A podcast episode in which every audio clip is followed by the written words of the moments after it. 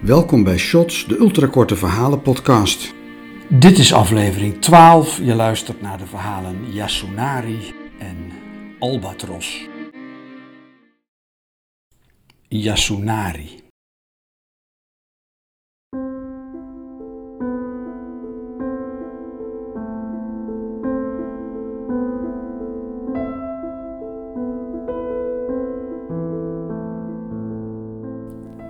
Yasunari was zonder enige aanleiding te vroeg wakker geworden. Het was een zondag en dus al helemaal te vroeg voor koffie.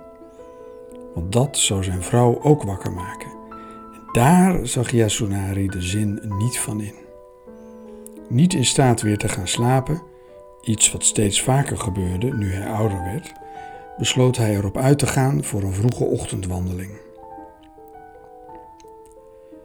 Buiten was de wind in de naaldbomen.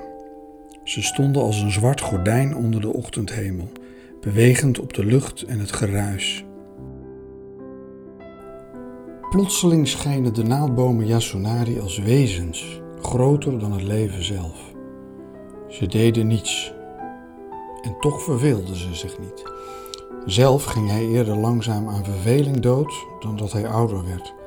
En ook de mensheid verveelde zich letterlijk dood.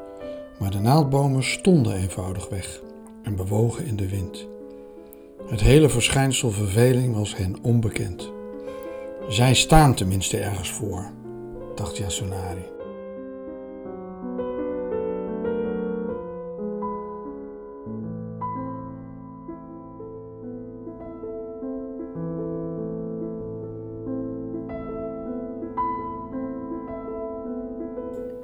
Albatros.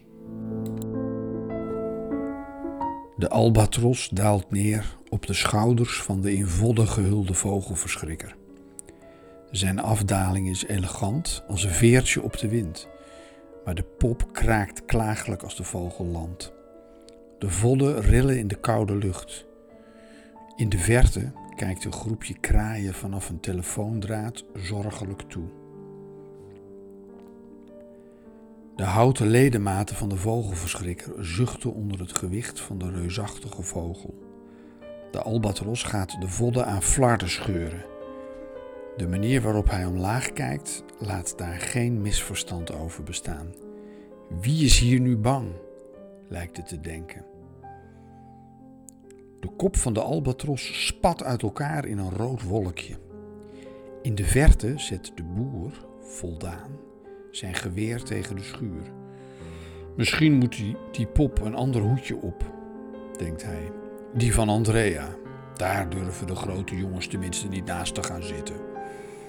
De gedachte aan zijn tante Andrea bederft zijn stemming en hij gaat terug de schuur in, weer aan het werk.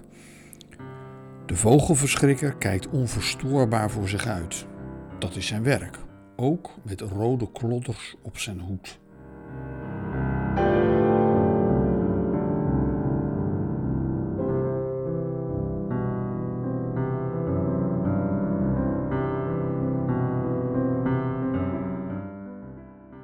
Deze verhalen werden geschreven en verteld door M.H. Vesseur. De muziek, de etude voor piano, opus 39 nummer 2 in A mineur van Sergei Rachmaninov, werd speciaal voor deze podcastserie gespeeld en geproduceerd door Jeroen van Veen. In de volgende Shots podcast weer twee ultrakorte verhalen. Abonneer je nu